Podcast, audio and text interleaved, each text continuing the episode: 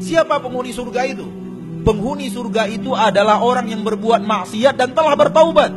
Yang ini tobat dari zina, yang ini tobat dari mencuri, yang ini tobat daripada riba, yang ini tobat daripada pembunuh, yang ini tobat daripada durhaka kepada orang tua, yang ini tobat dari korupsi, ini tobat daripada ghibah. Itu semua penduduk-penduduk surga. Maka jangan takut dan jangan khawatir. Walaupun kita pernah melakukan dosa-dosa besar, pernah menghiasi hidup dengan hal-hal yang maksiat-maksiat besar, asal kita mau taubat, pintu surga masih terbuka.